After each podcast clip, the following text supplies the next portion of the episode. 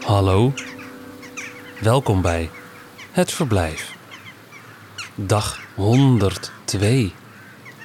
Vandaag Esther op de Beek leest Moeder van Esther Naomi Perquin.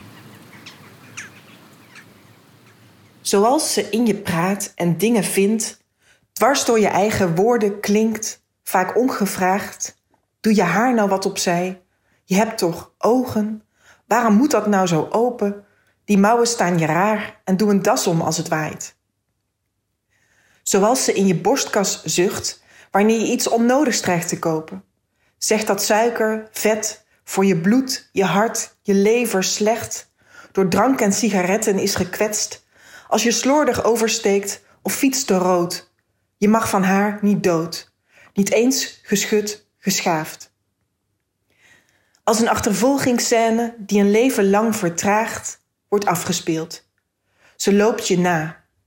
Dit voortbewegen, één en twee, in hetzelfde beeld. Zo vaak val je tegen, zo vaak val je mee. Steeds ongevraagd gered. Bij hond, stoep, hek en noodlot weggegrist.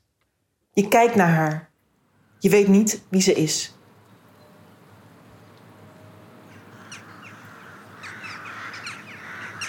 Het Verblijf is een initiatief van Mark van Oostendorp.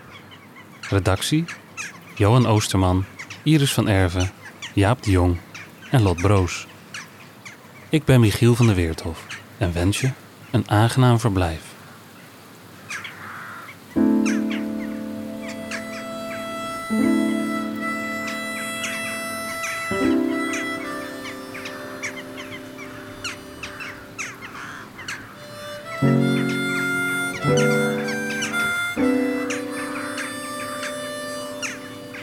Tot morgen.